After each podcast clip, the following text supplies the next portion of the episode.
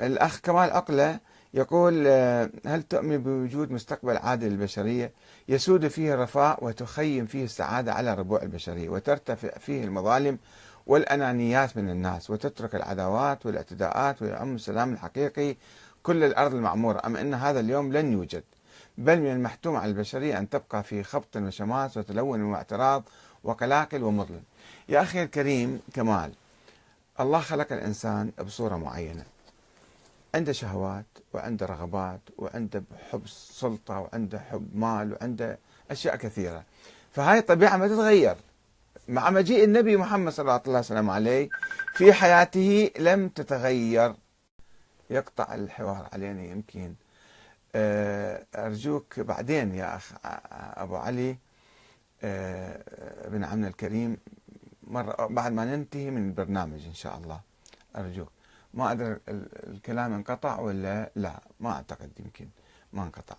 على أي حال كلامنا عن الأخ كمال أنه العالم بش... عالم مثالي كذا ما تتحقق جنة الله في الأرض والناس كلهم يصيرون طيبين. النبي محمد ما تمكن يسوي في حياته هذا الشيء.